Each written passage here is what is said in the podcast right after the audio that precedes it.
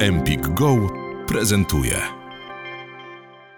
Patrycja, Cześć. cześć. Dlaczego ludzie nienawidzą feministek? No poważ na mnie.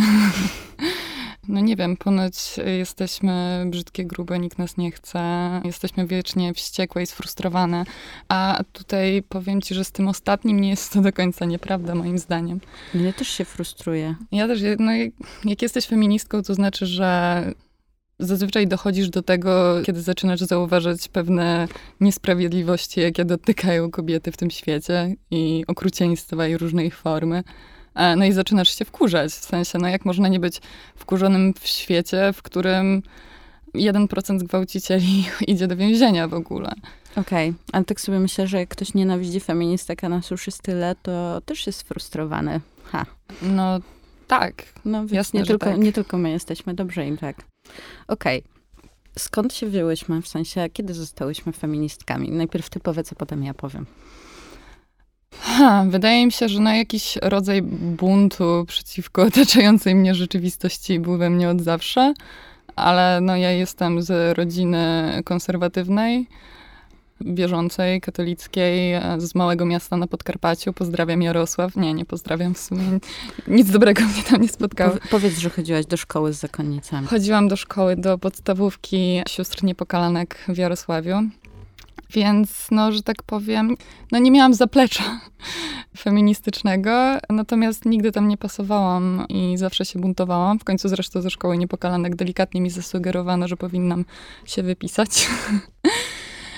Więc no tak, pewne przekonania feministyczne były ze mną od zawsze, natomiast no, dystans, dystans, niechęć do słowa feministka, które kojarzyło mi się słowo kojarzyło mi się z Kazimierą Szczuką w Najsłabszym Ogniwie i jest taką no, nieprzyjemną e, osobą, która rzuca złośliwymi komentarzami. Więc no myślę, że to jest to, co wiele osób No właśnie, w tym bo, kraju bo, bo myśli. Pegaza, Pegaza jednak mało kto oglądał, nie?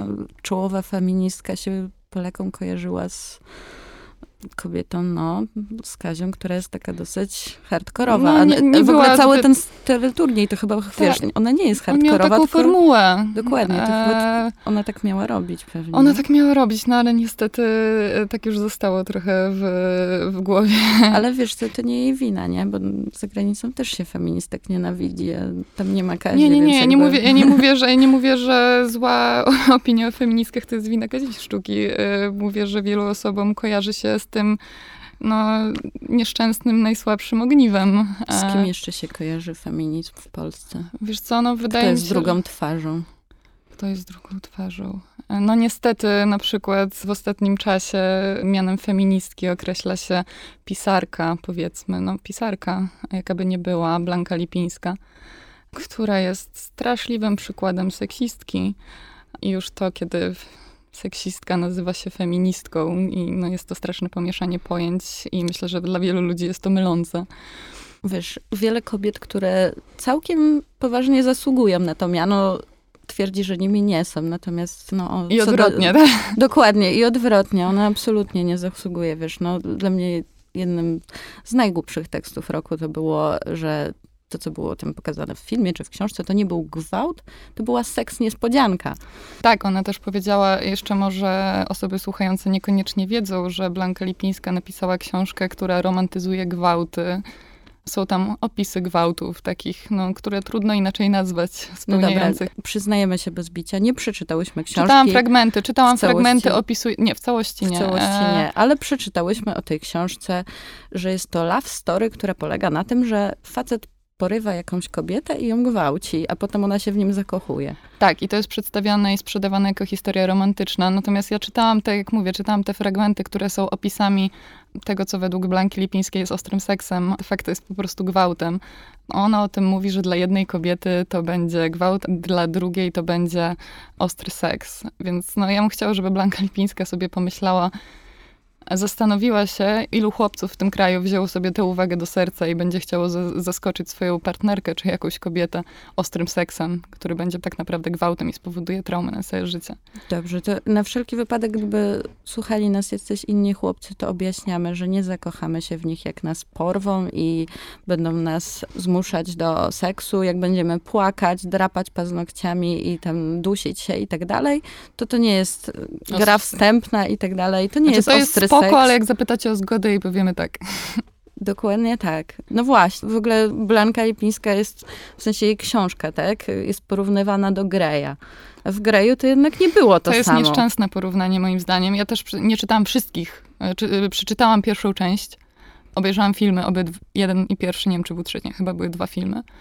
I tam jednak jest mocno podkreślony konsent, czyli ta zgoda na seks. Tam wręcz, tam jest BDSM i jest przemoc, ale jest przemoc, która jest za zgodą osoby biorącej w tym udział. Właśnie, z, zgodą formalną. Zgodą na... formalną, bo oni podpisują umowę i ona się zgadza na warunki. Nie chcę też, tak jak mówię, jeżeli tam w kolejnych częściach było coś, co się nie zgadza z tym, to teraz mówię, to przepraszam, komentuję tę pierwszą część.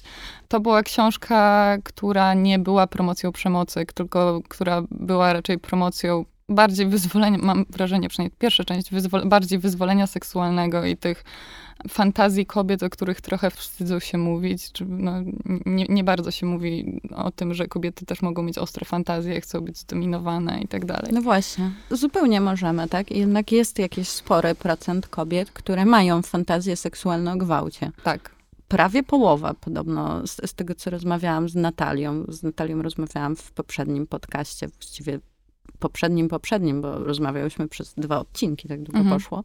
Rozmawiałyśmy dużo o konsencie i tak dalej. No i tak, jest sporo kobiet, które mają takie fantazje i jak to zrobić, jak masz takie fantazje i jak cię to kręci, ale chcesz to powiedzieć swojemu chłopakowi, ale żeby nie wyszło głupio. Mhm. Wiesz co, na to, że no nie wiem, jak to powiedzieć swojemu chłopakowi, nie zastanawiałam się nad tym. Natomiast to, że kobiety mają fantazję, ostatnio o tym rozmawiałam z Mają Staśko i rozmawiałyśmy o tym, że ona też napisała świetny tekst dla krytyki politycznej o, o Blance Lipińskiej i książce, którą bardzo polecam. O tym, że to nie jest nic złego, nie, czy nie można obwiniać kobiet, czy krytykować kobiet za to, że mają jakieś fantazje. Czy, oczywiście, że to, na to, jakie mamy fantazje, wpływa kultura, która jest kulturą męskiej dominacji.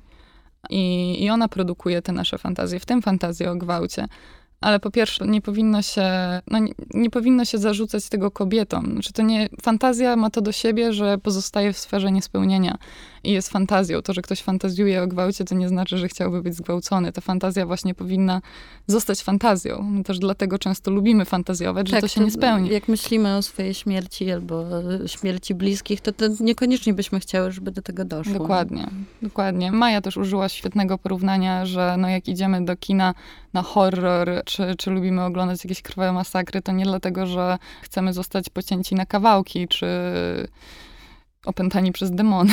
No właśnie, wiesz, ja jeszcze przeczytałam mądrą rzecz o tym, że kobiety, które fantazują o gwałcie, prawie wszystkie twierdzą, że w sensie wymieniają jako część tej fantazji jakieś uwodzenie na początku, tak? Mhm. Więc to de facto są e, być może fantazje o bardzo ostrym seksie, który mimo wszystko, jeżeli jest element uwodzenia, no to był w jakiś no, sposób no jeżeli, konsensualny. Jeżeli jest nie? zgoda, no, jeżeli jest element uwodzenia, to niekoniecznie można uwodzić i zostać zgwałconym potem.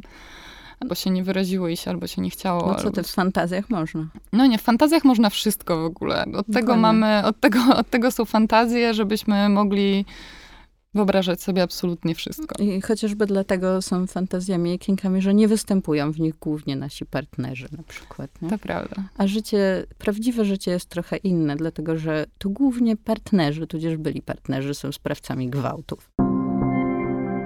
Wysłuchałeś fragmentu odcinka podcastu Empik Go. Słuchaj całości w aplikacji Empik Go. Pobierz aplikację i zarejestruj się już teraz. Wybieraj spośród tysięcy audiobooków, e-booków, audioseriali i podcastów. Masz 14 dni za darmo.